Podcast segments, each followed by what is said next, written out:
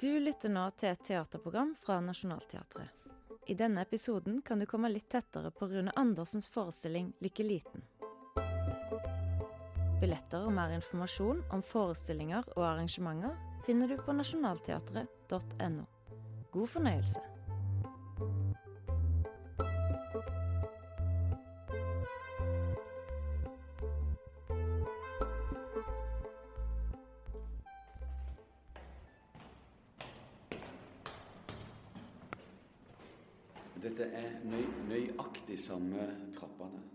Kjempeveien. Det må være det de har lagd på 50-60-tallet rundt omkring i Norge. Sånne steintrapper. Hør på den klangen. hæ? Edelweiss, Edelweiss, every morning you greet me Det her er komiker Rune Andersen.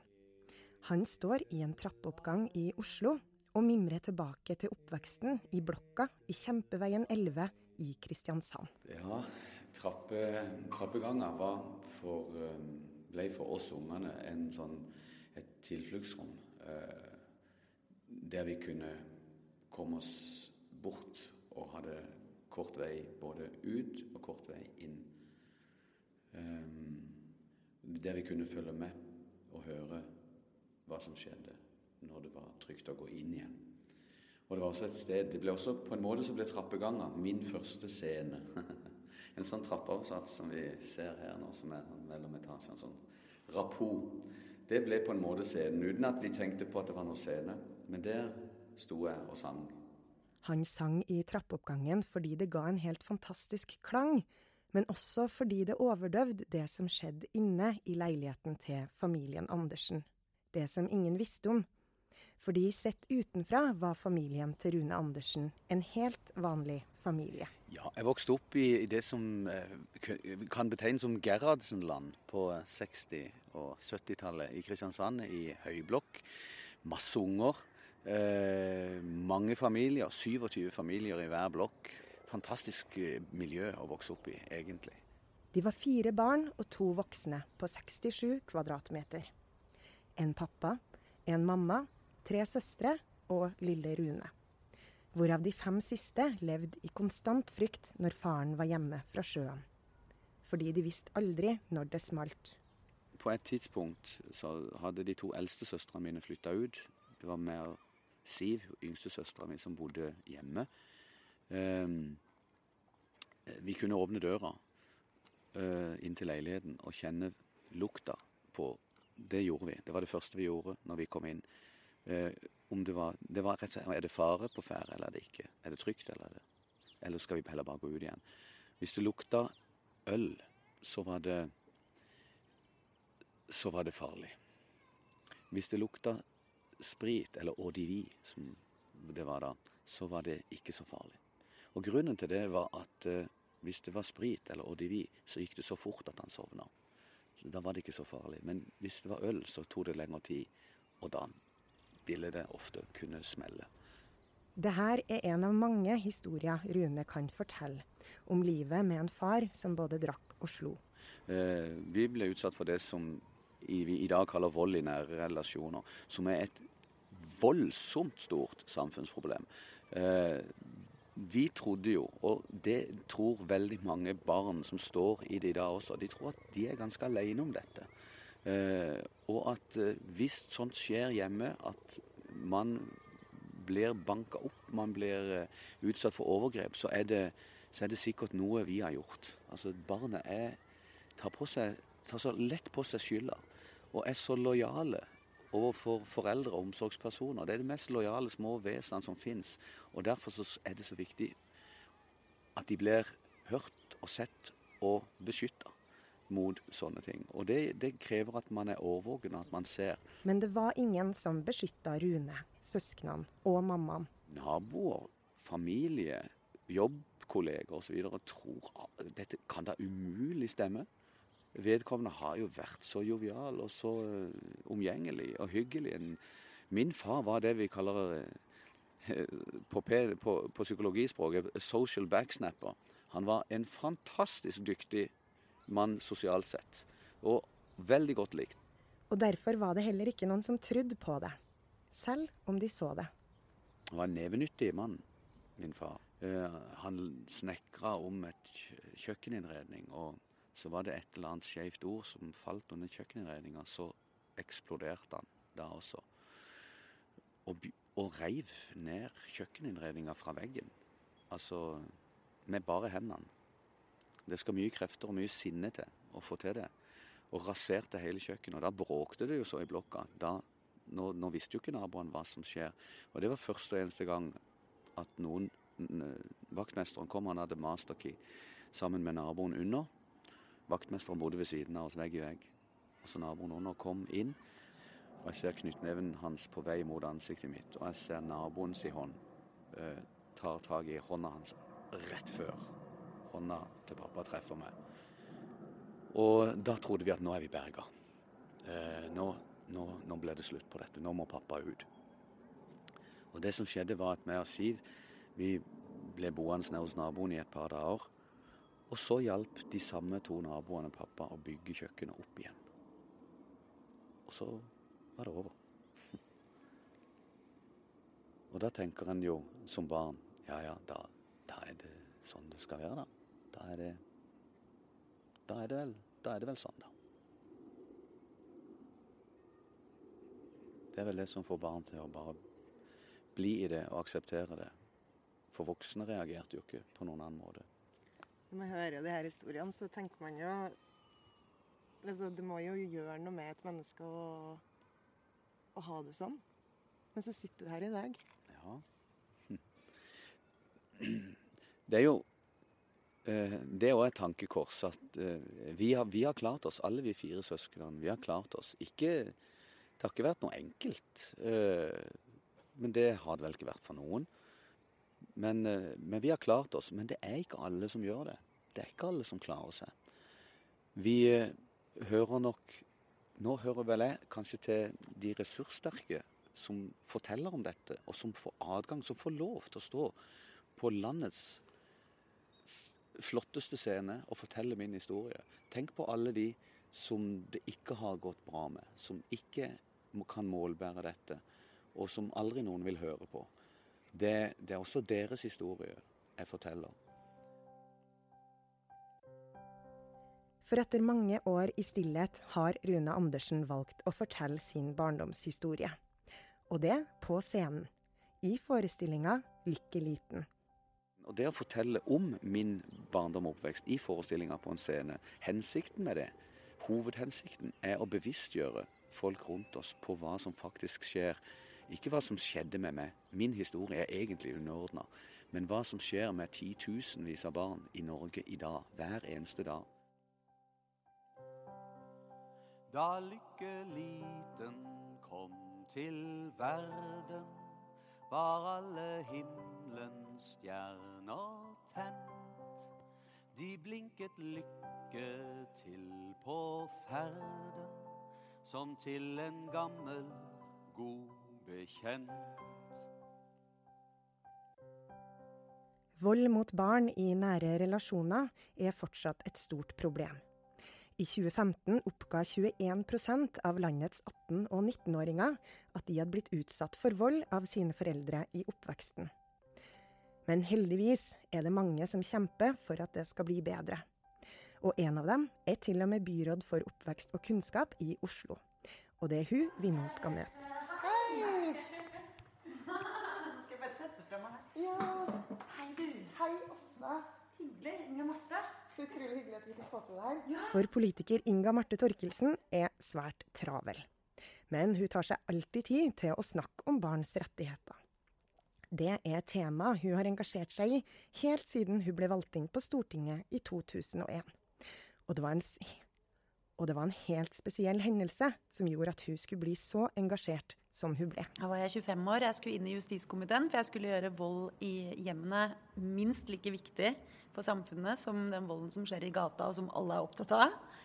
Um, og så våkna jeg av noe jeg trodde var en voldsom fest. Og kjente bare at det her orker jeg ikke å høre på. Jeg må få ro. Jeg trenger å sove. Så løp jeg ut i gangen. for å si fra. Og der ser jeg en eh, pappa, en mamma og et barn. Og mammaen og barnet hylgriner, og faren ser veldig sint ut. Så da bare kobla jeg det med en gang, som en familievoldssituasjon. Hun fikk mannen unna og ringte politiet. Men da politiet kom, opptrådte de sånn som de gjerne gjorde i 2001. Det var liksom husbråk for dem. Eh, og de spurte er det noe merker, ikke sant. Begynte å undersøke det. De tok ingen bilder av leiligheten. Leiligheten var rasert. Eh, de skifta ikke lås, selv om han hadde jo nøkkel. Han eh, bodde ikke der, men han hadde nøkkel. Og de sa 'kom igjen i morgen og anmeld saken'. En klassisk, sånn som du leste om det før i tida. Og da ble jeg forbanna og slo i bordet og sa at det her finner jeg meg ikke i. Jeg har jobba mye med dette. Jeg veit at hun kommer ikke i morgen. Eh, og at eh, det handler jo ikke heller om hvor mange blåmerker hun har. Du må jo se at de er livredde. Det endte med at politiet tok med seg kvinnen for å få en anmeldelse. Torkelsen ble satt til å passe på den ti år gamle jenta. Ei jente hun knapt hadde snakka med før. Så hun blei med meg, og så satt hun på fanget mitt. Og så spurte hun meg tror du at mamma skal dø? Og så tenkte jeg hvilken avgrunn det er mellom voksnes perspektiver på ting og de erfaringene barn har. Og det var ingen som snakka med barnet. Etter det her bestemte Torkelsen seg for å gå all in for barns rettigheter, som nesten var ikke-eksisterende på denne tida. Det gikk så langt at hun skrev ei bok, et kampskrift for barns rettigheter, med tittelen du ser det ikke før du tror det. Eh, det eh, er egentlig et slags slagord som både støttesentrene mot incest og seksuelle overgrep og Redd Barna har brukt. Og jeg syns det er veldig godt, fordi det er akkurat det som skjer. Så hvis det er et problem som gjør veldig vondt å forholde seg til, som vekker veldig mye følelser, som gjør deg maktesløs, som kanskje får deg til å tenke på ting du sjøl har opplevd, eller gjort feil, eller gjort mot andre, eller hva det måtte være, så er det veldig lett å snu seg bort. Bevisst eller ubevisst. Eh, det er også sånn at Hvis du ikke har lært om det dette er også, Vi lever i en tabukultur hvor dette ikke er et viktig, stort, naturlig tema inni alle utdanningene til folk som skal jobbe med barn, og jobbe med voksne som har barn, eller som lever i relasjoner som kanskje skader dem. Eh, og da hopper du heller på andre forklaringer. Du tenker kanskje åh, den ungen, eh, den atferden der, ja, det må være Det er sikkert de der hersens foreldrene. De har bare overført sine dårlige holdninger og dårlig oppførsel til barnet. Eller det barnet har jo ADHD. Eller den jenta har jo vært en tøyte hele tida. Eller eh, kanskje det er mobbing, kanskje det er dårlig økonomi, kanskje det er Altså det er tusen forklaringer, da. Den ungen har jo veldig mye vondt i magen. Det er sikkert cøliaki eller det er uh, en eller annen intoleranse. ikke sant? Og så er det kanskje uttrykk for noe annet. Og jeg er jo veldig opptatt av at vi ikke skal liksom gå i den andre grøfta og alltid tenke at å, det er sikkert seksuelle overgrep eller det er sikkert vold eller og nå må vi bare kjøre på med barnevern og politi. Nei, vi må møte mennesker med breddesyn. Vi må ha med oss mange forskjellige muligheter i møte med mennesker. Og de som da jobber tett på, som ser barna hver dag, de må være i stand til å tenke tanken. Hvis de aldri engang har tenkt tanken, eller aldri har liksom eh, tenkt at de barna som de har ansvaret for, kan være utsatt for sånne ting, så kommer de bare til å fortsette med teorier som eh, i praksis er bortforklaringer. Det Rune Andersen forteller om naboer som så, men ikke gjorde noen ting, er dessverre ikke uvanlig. Voksne kan jo være veldig feige. Ehm, det kan være at de bare aldri tenkte tanken. Eh, og de skjønte at det var noe, men de tenkte aldri at det var så alvorlig. Eh, hvem, hvilke foreldre gjør sånt mot barna sine, ikke sant, f.eks. Eh, det kan være at de er redde. Jeg vet om voksne som har vært så redde at ikke de har turt å gjøre noe. Men det er jo ganske forferdelig da å tenke på, fordi de barna har måttet leve med det hele tida. Har det skjedd noe siden Rune Andersen vokste opp? Har det skjedd ja. Det har det. Det har skjedd veldig mye. Altså, jeg skriver om det i boka. Eh, den reisen jeg har vært med på, da, som bare er fra midten av 90-tallet. Da begynte jeg å jobbe med dette her. Eh, den gangen så kom jeg jo også eh, Møtte jeg jo på tvangsekteskapsproblematikk som eh, åpna øynene mine for mye av det som skjer i lukka miljøer. Eh, fra f.eks. Ja, det kan være fra Kurdistan, Pakistan, det kan være mange andre land også. Eh, og den gangen så var det jo ingen å spørre. Det var jo ikke noe apparat. Vi hadde jo ikke barnehus før i 2007. Eh, første, det var tiårsjubileum i fjor for første barnehuset, som kom på Hamar. Eh, vi, det var ikke noen rett for barn til å få voldsoffererstatning. Vi hadde håpløse foreldelsesregler som gjorde at når barn først valgte eller turte å fortelle, så var saken ofte forelda. Eh, Ada Sofie Austegard i Stine Sofies stiftelse har gjort en kjempejobb for å få rettigheter i rettssalen. Eh, så, så veldig, veldig, veldig mye har skjedd. Heldigvis. Men jeg er bare så utålmodig! jeg syns altfor lite har skjedd. Så om glasset er halvtomt eller halvfullt, det får vi jo diskutere, men det er søren ikke bra nok. Eh, det tok jo veldig lang tid før Rune Andersen valgte å fortelle sin historie. Er det mm. vanlig at mm. man venter så lenge? Ja, det er kjempevanlig. Det er så mye skam knytta til det. Og det syns jeg var så fælt. Ehm, jeg leda et prosjekt i regi av Forandringsfabrikken, som er en ideell stiftelse som gir barns stemmer makt. Men det jeg syns var vondest i møte med de barna, vi snakka med 35-40 barn, det var jo at eh, de eh, For det første så visste de ikke at det de ble utsatt for, var feil. De trodde det var normalt, fordi ingen hadde snakka med dem. Eh, og da de skjønte at det ikke var normalt, og ikke barn, alle barn opplevde det, så trodde de at det var deres skyld. For da må det jo være meg det er noe gærent med, da, tenkte de. Og så begynte de å skamme seg. Så det er jo en viktig grunn til at barn ikke forteller. Det er jo den skammen som er helt feil plassert. Så vi må jo drive med avskamming i samfunnet vårt.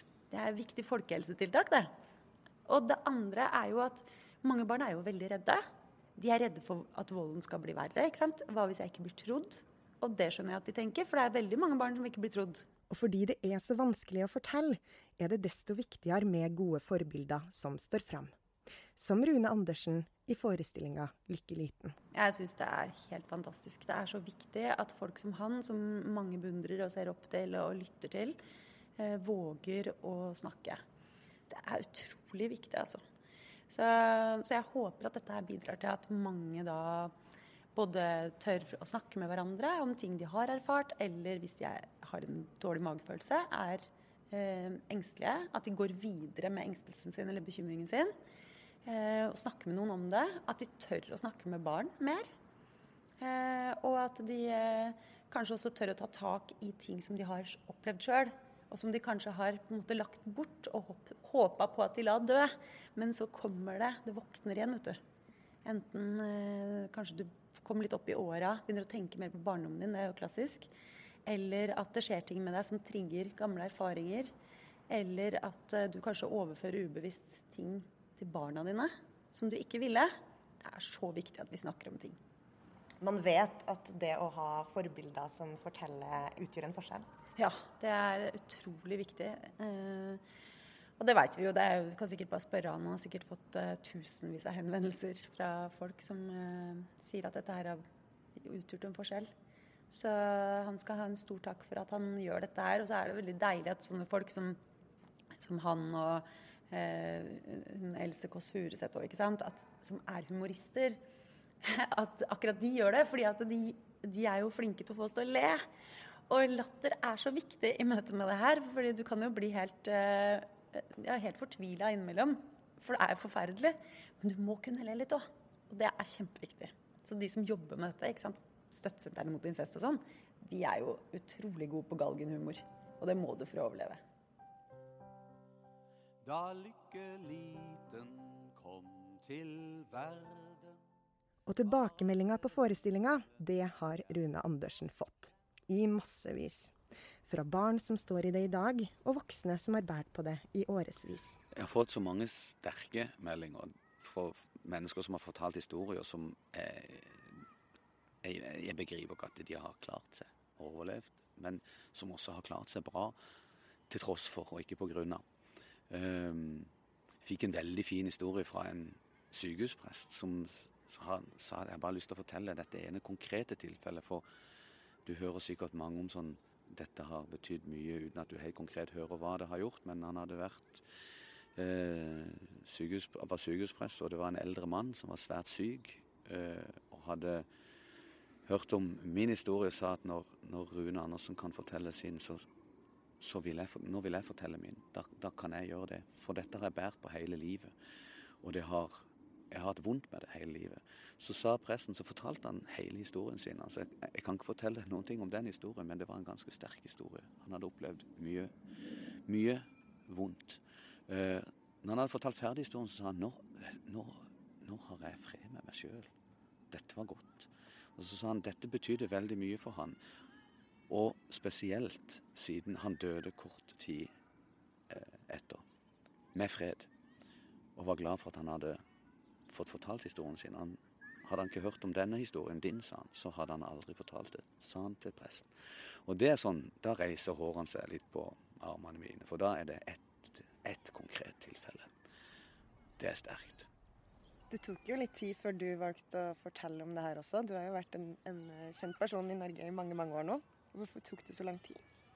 Ja, det, vi søsknene snakka ikke om, om, dette, om barndommen vår på 40 år.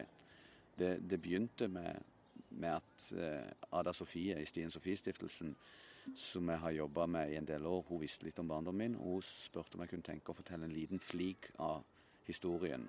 Eh, for at det skulle komme et ansikt bak som flere på en måte som kunne hjelpe andre til å åpne opp. Dette var ved åpninga av Stine Sofie-senteret for et par år siden. Og da var vi veldig i tvil, for jeg hadde ikke lyst til å Det er litt farlig av det der. Eh, følte jeg iallfall at det var. Jeg, jeg, hadde ikke lyst til å bli han komikeren med den uh, forferdelige barndommen. Eller bli mistenkeliggjort på den måten at å ja, hva er, det nå, hva er det nå han skal selge? Det er jo ofte det. Jeg, jeg har jo sett så mange eksempler på det, at det, mer eller mindre kjente mennesker kommer med et eller annet som egentlig ikke har noe relevans for andre enn de sjøl. Og kanskje ikke det heller, men de har noe å selge. Og I dette tilfellet her så hadde jeg virkelig ingenting å selge. Eh, så jeg tenkte det gjør det litt enklere å fortelle. Jeg kan ikke bli tatt til inntekt for det. Eh, jeg har en viktig historie å fortelle som angår mange andre. Og som Ada sa også, dette kan gjøre en stor forskjell for mange, mange barn. Eh, men jeg var redd for å risikere karrieren min. Men nå er jeg sikker på at dette er det viktigste og det riktigste jeg har gjort i karrieren min også. Jeg skal gøye å gjøre moroting igjen seinere, og det er for all del veldig mye moro og gøy i, i forestillinga også. Fordi du bruker jo mye humor. Ja, for humor er det viktigste verktøyet vi har til å håndtere vonde ting. Til å håndtere traumer, til å håndtere sorg, sykdom, død. Hu, altså Uten humor så, så, så går vi nedenom og hjem, altså. Så for meg er det å bruke humor livsnødvendig. Altså Når man hører om og leser om og ser forestillinger hører om alt det du har opplevd, så er det sikkert noen som tenker hvordan kunne han bli komiker? Har du noen forklaring på hvorfor det ble sånn? Livets tilfeldigheter. Jeg hadde aldri noen gang i mitt liv tenkt at jeg nå skulle stå på scenen eh, i noen som en slags sammenheng. Det var helt tilfeldig. Jeg begynte på lærerskolen og var 21 år. Og det var litt sånn eh, Ja, frivillig tvang. Alle, alle førsteårsstudenter måtte lage en, en, kulturkveld eller revy. Så var det gjort. Um, og det var jo sånn, jeg hadde, jeg hadde, alltid hele livet vært så stille og beskjeden. Jeg hadde aldri dansa. Jeg hadde aldri gjort ting i offentlighet. Jeg hadde sunget på tivoli en gang da jeg var seks år gammel. Uh, det var nok det dristigste jeg hadde gjort. Uh, men det var sånn, en kommer til sånn fase i livet. Nei, nå vil jeg prøve det. Så så traff jeg Knut Nærum i et veikryss i studietida. Det var vel kanskje mitt viktigste sånn veikryss sånn karrieremessig. Så gikk det slag i slag. Andersen medvirka i revyer og forestillinger, og ble med i radioprogrammet Hallo i uken. Han har vunnet Komiprisen for beste forestilling og beste mannlige artist i revy og komedie. De tidligere forestillingene du har gjort, så har det jo handla om andre mest. Du har gjort en del parodier, mm. uh, det har vært mye satire og sånn. Men hvordan har det vært å lage en forestilling som handler om deg sjøl? Eh, veldig nifst. og eh, det var, har jo vært mitt, min, den store største utfordringa jeg har hatt hele veien det gjennom alle år, det er det at det var én ting å snakke med andre stemmer og gjøre figurer som er utenfor meg sjøl. Men i det øyeblikket jeg snakka som meg sjøl, bare det å snakke som meg sjøl, jeg burde ikke snakke om meg sjøl, men som, med min egen stemme, så følte jeg at jeg datt som en stein. Og ble livredd og, ja, og hadde problemer med å, å uttrykke meg klar, klart og forståelig. Så, så det har vært en lang, lang prosess. Og det å skulle fortelle om sitt eget liv, det, det er noe av det snifseste jeg har gjort. Og vanskeligste. Men humoren har han på ingen måte lagt fra seg. Folk, ikke, folk skal ikke komme på forestillinga og tenke at nå skal vi virkelig gjennom ei forferdelig kvern. Det, her er mye gøy, altså. Her kommer det parodier. og jeg slenger innom både Ole Paus og kong Olav og Erik Bye og Herbjørn Sørebø og Torvald Stoltenberg og Yngve Haagensen og Einar Førder. Gud vet hvem som bare trenger seg litt på. Fordi det er så gøy å gjøre det. Men det viktigste Rune Andersen ønsker å gi med denne forestillinga, det er håp. Det, er, det, går an å få et godt liv, selv om en har opplevd vonde ting. Det går an å, eh, å bli et lykkelig menneske. Det går an å få det godt eh, til tross for. Og det, det tenker jeg på hver dag. Og hver kveld jeg går på scenen og ser utover publikum, så tenker jeg her sitter hver eneste en av disse som sitter her, har sin historie. Helt andre historier, men de har sine historier, de også. Og jeg tror Gud hjelper meg ikke, det er noen av de som ikke har opplevd tunge og vonde ting også. Vi har alle det, med ulike fortegn. Og kan min historie være med til å lette deres måte å håndtere sin historie på, ja, så har det vel Så er det vel verdt litt, det. Nå skal du stå på Nationaltheatret. Har du vært der før? Nei. Jeg har vært på Nationaltheatret stasjon. Det var jo en, en absurd og sterk følelse å komme inn på Nationaltheatret for første gang i mitt liv. Eh, på scenen! Og skal stå på scenen der det har stått eh, Eh, navn som er, som er skrevet med gullskrift i norsk teaterhistorie. Der skal jeg, der skal Rune fra Kjempeveien stå og fortelle historien fra blokkleiligheten. Det, det er virkelig absurd teater, altså. Eh, og Samtidig som da tenker jeg tenk, tenk, på hva dette her må gi av håp og, og, og drømmer for, for, andre. For det må jeg si at hvis Jeg hadde aldri i, noen, i min villeste fantasier drømt om dette her. Og kan det hende meg, så, så, så, da må det jo kunne hende alle, vil jeg si. Å stå på Nationaltheatrets hovedscene. Nei, du verden.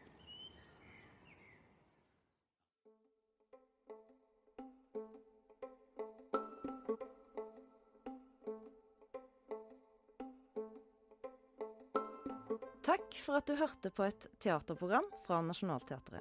Musikken du hører nå, er komponert av Gaute Tønder, og reportasjen er laga av Åsta Hoem Hagen. Husk at du kan følge Nationaltheatret på både Facebook og Instagram. Vi håper å se deg i salen. Velkommen i teatret.